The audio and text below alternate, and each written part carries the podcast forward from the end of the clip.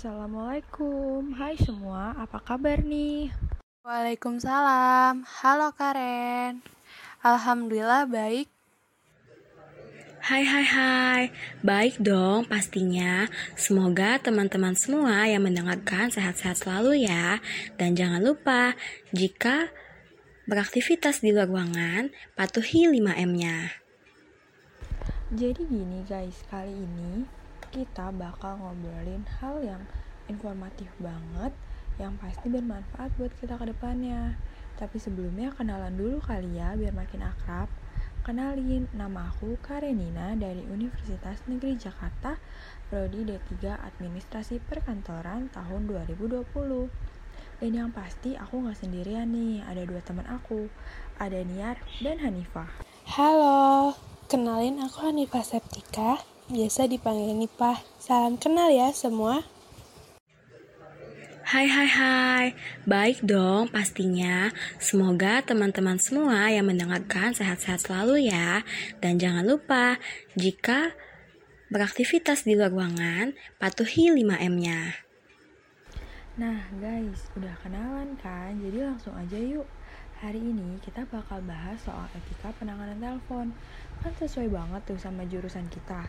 Jadi bakal bermanfaat banget buat kita ke depannya. Wah, bener banget tuh. Jadi gak sabar buat ngobrolin topik ini. Tapi sebelumnya, menurut kalian apa sih komunikasi itu? Dan sepenting apa komunikasi buat kehidupan kita? Sepengetahuan aku nih ya, komunikasi itu suatu proses seseorang atau beberapa kelompok atau suatu organisasi untuk menyampaikan suatu informasi. Apabila orang tersebut mendapatkan feedback yang baik dari orang lain, maka komunikasi tersebut bisa dikatakan menjadi komunikasi yang efektif. Bener banget tuh. Biasanya komunikasi ada yang secara lisan ataupun verbal, yang pastinya bisa dipengerti oleh kedua belah pihak. Kalau manfaatnya, yang pasti kita bisa saling mengenal satu sama lain. Dan yang pasti, kita bisa ngobrol bareng kayak sekarang. Juga salah satu bentuk komunikasi ya guys. Kan sama nih yang sering kita dengar, mendekatkan yang jauh dan mempererat yang dekat. Nah, balik lagi ke topik awal kita soal telepon. Yang aku baca dari beberapa penjelasan, bertelepon adalah sebuah aktivitas atau kegiatan komunikasi yang dilakukan antara individu melalui media elektronik. Manfaatnya kita bisa lebih mudah buat dapat informasi tanpa harus ketemu dengan orang yang bersangkutan. Wah keren banget dong kalau kayak gitu, apalagi buat seorang sekretaris yang harus tahu gimana cara menjalin hubungan yang baik. Apalagi sekretaris kan dianggap sebagai garda terdepan yang harus dilalui klien sebelum kita sampai ke pimpinan. Wah, berarti keren banget ya guys. Oh iya guys, by the way, berhubungan kita lagi membahas tentang telepon, aku mau ngebahas sedikit nih tentang sejarah singkat telepon. Telepon ditemukan oleh Antonio Meucci pada tahun 1871 yang dahulu kegunaannya hanya sebagai perangkat pesawat sederhana dengan listrik dan kawat. Komunikasinya pun bergantung pada kawat yang menghubungkan penggunanya masing-masing. Atau istilah ini biasa disebut dengan konsep komunikasi secara kabel, yang di mana jangkauan komunikasinya tergantung pada seberapa jauh kawat itu. Kemudian, pengembangan telegraf ini dilanjutkan oleh Alexander Graham Bell melalui Bell Labs dari perusahaan Bell dan berhasil menemukan transmitters dan receiver for electric telegraph sistem yang digunakan untuk berkomunikasinya, memanfaatkan getar multitap pada baja untuk memberikan jeda pada sirkuit. Dan pada tahun 1875, telepon berhasil ditemukan oleh Alexander Graham Bell bersamaan dengan hak patennya. Setelah Setahun, Alexander Graham Bell melanjutkan kontribusinya terhadap dunia komunikasi dengan menemukan metode untuk mentransmisikan suara secara telegraf yang disebut Improvement in the Telegraphy pada tahun 1876. Di sinilah pengembangan telepon dimulai. Berikut perkembangan telepon dari masa ke masa. Pada tahun 1877, teknik teknologi elektromagnetik pada telepon pada tahun 1878, fitur papan pengganti manual. Pada tahun 1880, penerapan sirkuit metalik. Pada tahun 1891, pengguna nomor dial pada telepon. Pada tahun 1915, teknologi wireless pada telepon sampai dengan saat ini. Sampai di sinilah perjalanan sejarah telepon dari awal ditemukan hingga saat ini. Dan tunggu perkembangan selanjutnya ya mengenai telepon di masa depan yang akan datang. Pasti lebih canggih dibandingkan zaman sekarang. Ya nggak sih guys? Oh iya guys, Apalagi buat seorang sekretaris yang harus tahu gimana caranya menjalin hubungan yang baik sama pimpinan dan juga rekan bisnis pimpinan loh guys. Karena kan sekretaris garda paling terdepan ya guys, pusat perhatian. Dan harus dilalui klien sebelum bisa sampai ke pimpinan.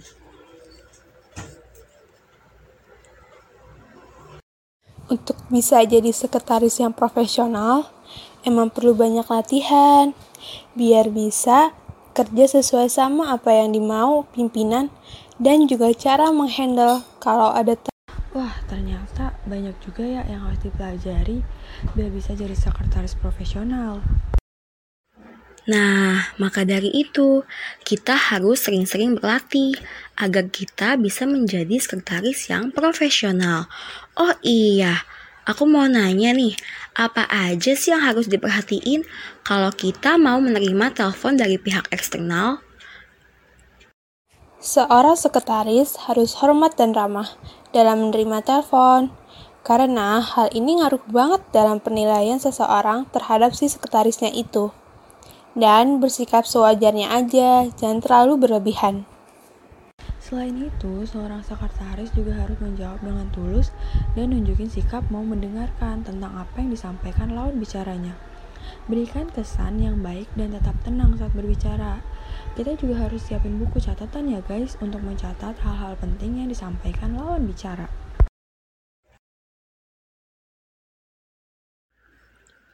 Oh iya guys, aku mau ngasih tahu nih panduan untuk menjawab telepon.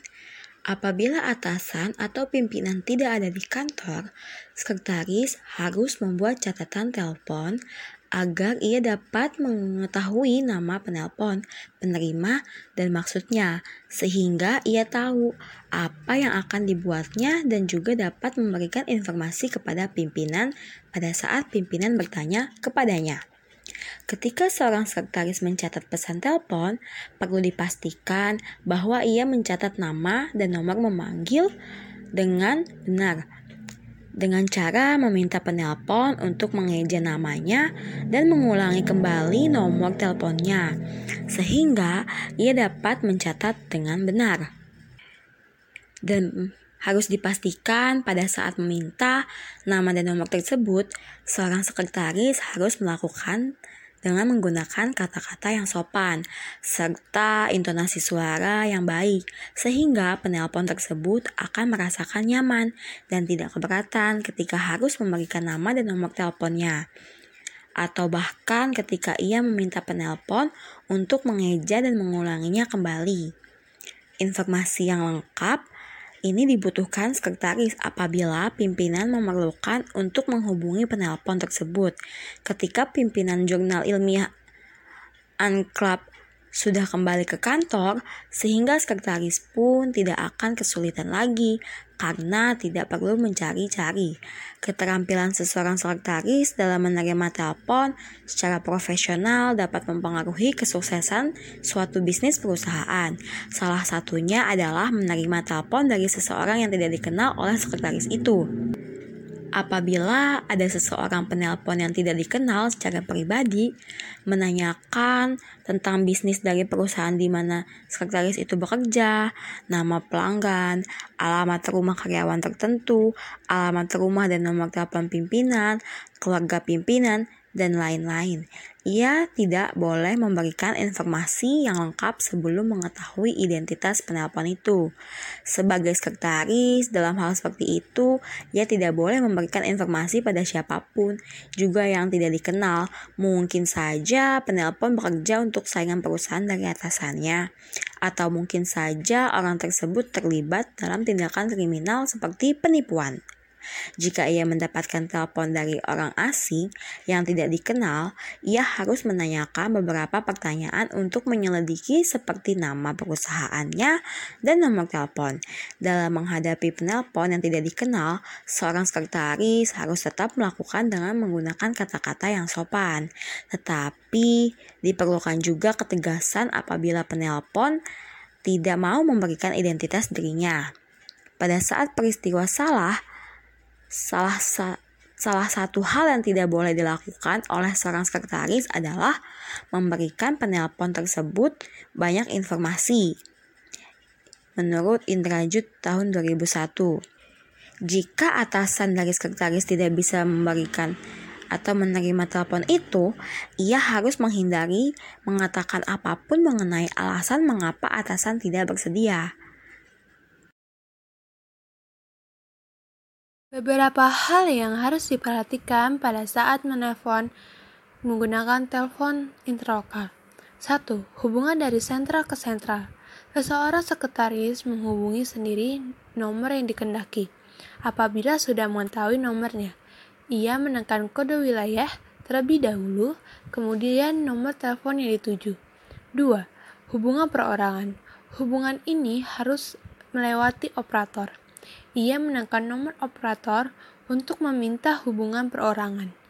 Ia memberikan nama dan nomor telepon orang yang ingin dihubungi dan menyebutkan juga nomor telepon sendiri.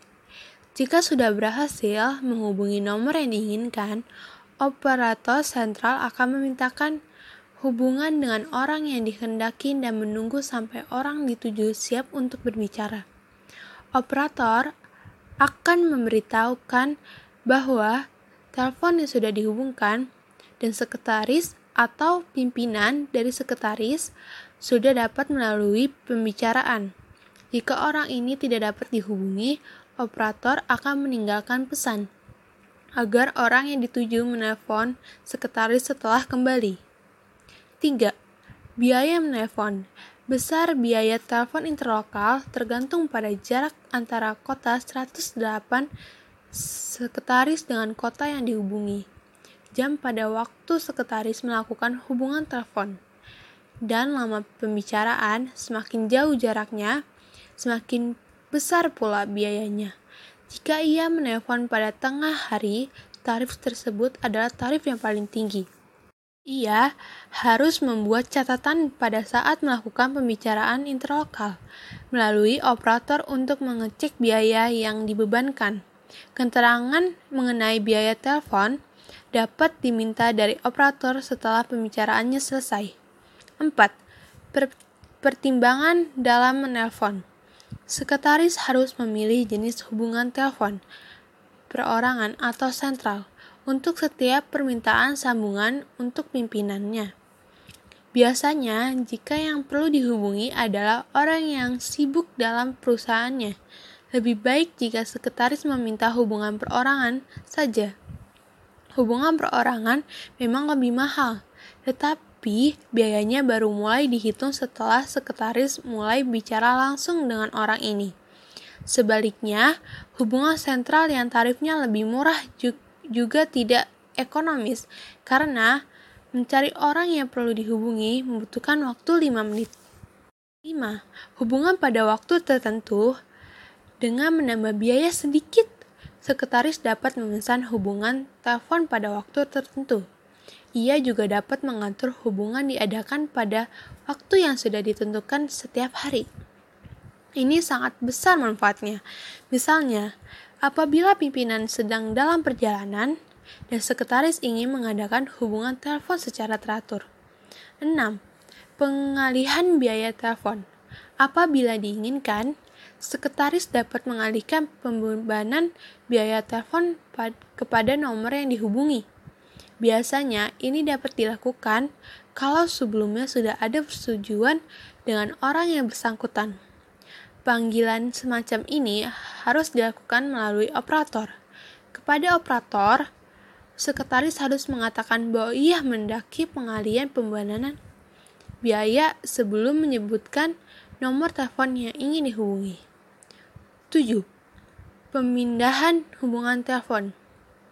Dalam perusahaan besar, sambungan telepon biasanya dipindahkan dalam periode waktu yang tertentu.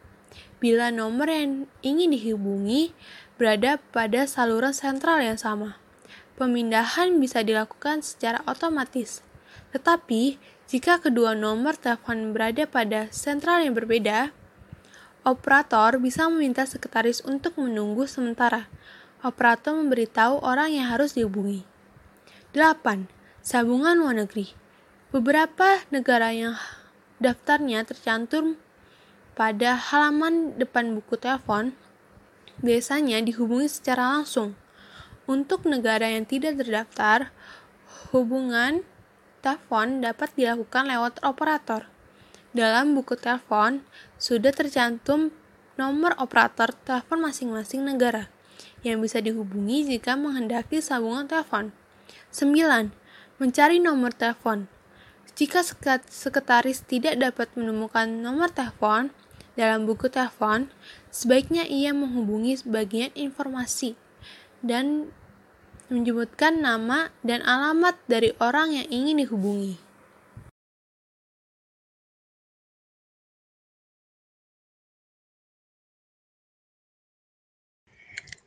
Ada cara-cara yang perlu dilakukan dalam rangka persiapan-persiapan agar komunikasi lewat telepon lancar tanpa hambatan. Cara tersebut adalah yang pertama, membuat daftar nomor telepon orang atau lembaga yang banyak berhubungan dengan lembaga tempat sekretaris bekerja Daftar nomor telepon itu harus selalu diperbarui. Nomor telepon yang tidak berlaku diberikan tanda atau dihapus saja dan diganti dengan telepon yang terbaru. Sekretaris juga harus membuat daftar nomor telepon yang sering dibutuhkan dan menyediakan di meja kerja untuk memudahkan bila sewaktu-waktu diperlukan. Yang kedua, menguasai sistem penggunaan pesawat telepon yang dipergunakan meletakkan pesawat pada tempat yang aman tetapi mudah dijangkau dan merawatnya dengan teratur dan baik. Menyiapkan kertas atau kartu penyampaian panggilan telepon untuk mencatat nama penelpon, lembaga, dan isi panggilan telepon dan juga untuk menuliskan nama orang yang ditelepon, tanggal, waktu, dan tanda tangan menerima telepon, menyiapkan formulir penerima telepon dan alat tulis serta meletakkannya di dekat pesawat telepon agar mudah dijangkau apabila dibutuhkan walaupun sambil memegang telepon.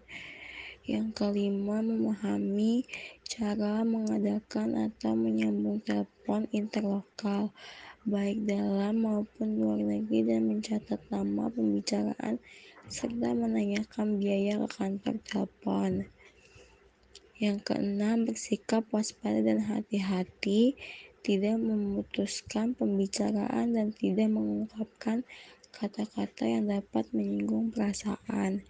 Yang ketujuh, bersikap seperti sedang bertatap muka, ramah, sewajarnya, menggunakan kata-kata yang singkat dan jelas dengan nada dan volume suara teratur, tidak menampakkan kesan sibuk. Pada waktu sekretaris sementara mengadakan pembicaraan di telepon. Nih guys, aku mau kasih tahu nih ke kalian yang dimiliki oleh seorang sekretaris adalah pandai menjaga rahasia sebagai tangan kanan pemimpinan dan selalu mendapat kepercayaan dari pimpinan, seseorang sekretaris harus pandai menjaga rahasia perusahaan maupun rahasia pribadi pimpinan. Cara yang terbaik untuk menjaga informasi rahasia dalam telepon ialah dengan mengikuti suatu aksioma sederhana yaitu pikiran sebelum berbicara.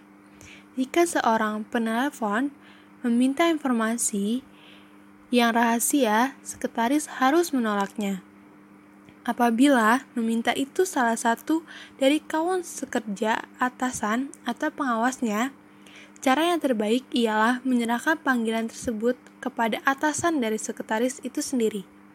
Dalam melakukan penolakan kepada orang yang meminta rahasia, seorang sekretaris harus tetap melakukan dengan sopan dan tidak menggunakan kata-kata yang kasar. Apabila orang yang tersebut tetap bersikap keras dan terus mendesak, ia harus menyerahkannya kepada pimpinannya untuk ditangani.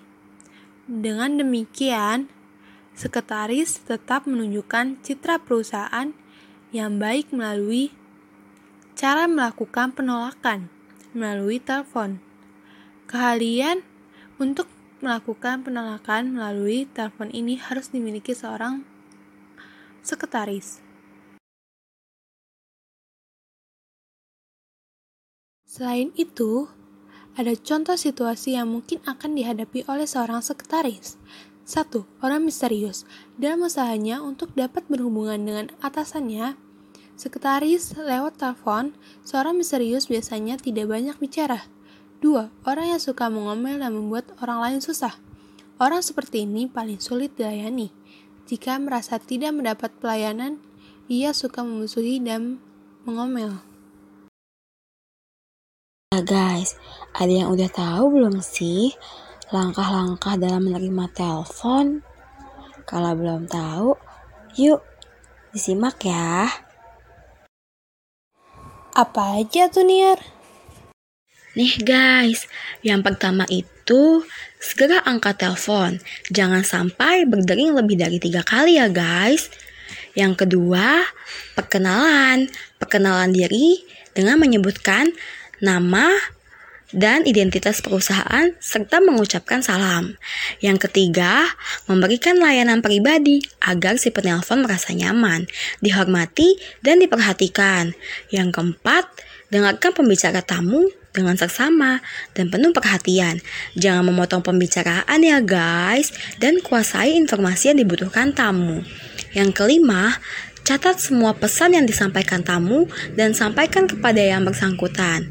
Yang keenam, gunakan kata-kata yang sopan dan ramah ya guys. Wah, ternyata banyak juga ya yang harus diperhatikan saat bertelepon. Jadi, kita harus benar-benar sering latihan untuk bisa maksimal dalam bekerja menjadi seorang sekretaris. Oh iya guys, aku juga mau ngasih tahu nih soal jenis-jenis etika dalam bertelepon. Bertelepon juga ada etikanya loh guys. Jadi, etika bertelepon itu dibagi jadi dua jenis, yaitu etika bertelepon secara umum dan etika bertelepon secara khusus. Kalau ini aku tahu nih, Etika bertelepon secara umum contohnya 1. Mengangkat telepon dengan segera 2. Memperkenalkan diri terlebih dahulu bila menerima atau menghubungi seseorang melalui telepon 3. Menggunakan bahasa yang formal, baik, sopan, dan tepat 4. Menyapa penelpon dengan sebutan ibu atau bapak 5. Mencatat pesan atau pembicaraan 6 mengucapkan terima kasih dan salam di akhir pembicaraan. 7. Meletakkan gagang telepon dengan perlahan. Oke okay guys, di sini aku bakal ngasih contoh etika bertelepon secara umum. Yang pertama, menggunakan bahasa yang resmi, terutama untuk orang yang belum akrab. Yang kedua, tidak berbicara dengan orang lain selagi menelpon ya guys. Yang ketiga, tidak berbicara sambil makan. Yang keempat, berbicara dengan sopan dan tidak banyak basa-basi. Yang kelima, jangan membiarkan penelpon menunggu terlalu lama. Yang keenam, menjaga intonasi saat berbicara. Dan yang ketujuh, sampaikanlah pesan kepada orang yang dituju si penelpon. Ternyata sepenting itu ya kita menjaga etika saat bertelepon. Oh iya, aku juga mau nambahin lagi nih tata cara menggunakan telepon yang baik. Pertama, pegang gagang telepon yang baik dan jangan terlalu dekat mulut. Kalau terlalu dekat, nanti omongan kita jadi nggak jelas. Yang kedua, usahakan nafas kita saat berbicara di telepon tidak terdengar seperti mendengus. Nanti lawan bicara kita bingung. Dan yang ketiga, ucapkan salam. Terus, tanyakan dulu identitas si penelpon. Yang kelima, siap ba simak baik-baik pesan dan kalimat penelpon. Jangan sampai tiba-tiba bengong ya guys. Terus yang keenam, akhirin pembicaraan dengan salam. Terus, letakkan gagang telepon dengan benar dan pas pada posisinya. Wah, bermanfaat banget ya topik kita kali ini. Sampai nggak kerasa, udah cukup panjang pembahasan kita. Simpulan dari podcast kali ini dapat disimpulkan telepon yang itu sarana komunikasi yang paling cepat karena melalui telepon. Karena dapat memperoleh bermacam-macam informasi dan mudah berkomunikasi dengan atasan, bawahan, maupun kliennya. Karena telepon merupakan salah satu teknologi informasi yang tercepat, adalah menjadi suatu keharusan dan persyaratan bagi seorang sekretaris dalam memasuki dunia pekerjaannya. Untuk mengetahui teknik berkomunikasi yang benar dan efektif, Teknik komunikasi tersebut termasuk cara menggunakan telepon, cara menghubungi orang lain melalui telepon. Dalam berkomunikasi melalui telepon, seorang sekretaris akan menghadapi berbagai situasi.